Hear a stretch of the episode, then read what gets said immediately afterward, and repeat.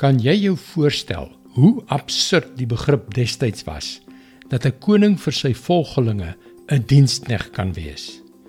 nee my vriend, die enigste konteks waarin daardie twee woorde in een sin gebruik is, was om oor 'n koning se dienaars te praat. Hallo, ek is Jockey Gouchee vir Bernie Diamond en welkom weer by Vars. Kom ons brei 'n bietjie uit.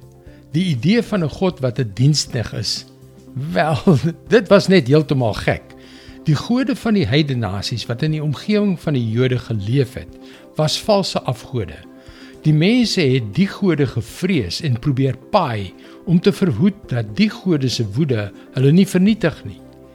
Nou ja, ons lees in die Ou Testament dat die God van Israel wel 'n verbond met sy volk gesluit het wat basies gesê het as jy my eer, sal ek jou seën. As jy dit nie doen nie, sal ek jou vervloek. Maar selfs daar in daardie verbond was die begrip van die diensknegt koning, die diensknegt God reeds opgesluit. Koning Dawid skryf in Psalm 3 vers 4 tot 6: Maar U Here beskerm my aan alle kante. U herstel my eer en aansien. As ek na die Here roep, antwoord hy my van sy heilige berg af. As ek gaan lê, slaap ek goed.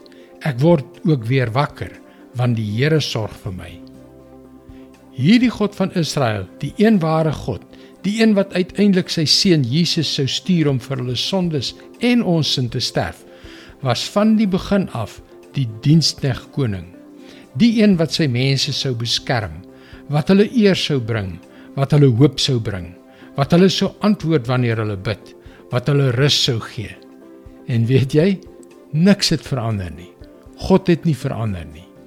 Jy kan gaan lê en rus en weet jy sal wakker word want die Here bedek jou en beskerm jou. Dis sy woord vars vir jou vandag. En ja, in vrees, in moeilikheid, in enige omstandighede sal hy jou gebede verhoor. Die enigste soort gebed waarvan die Bybel ons leer is die soort wat kragtige resultate het. Ons sal baie graag saam met jou bid. Gaan gerus na powerfulprayer.org om jou gebedsversoek te deel.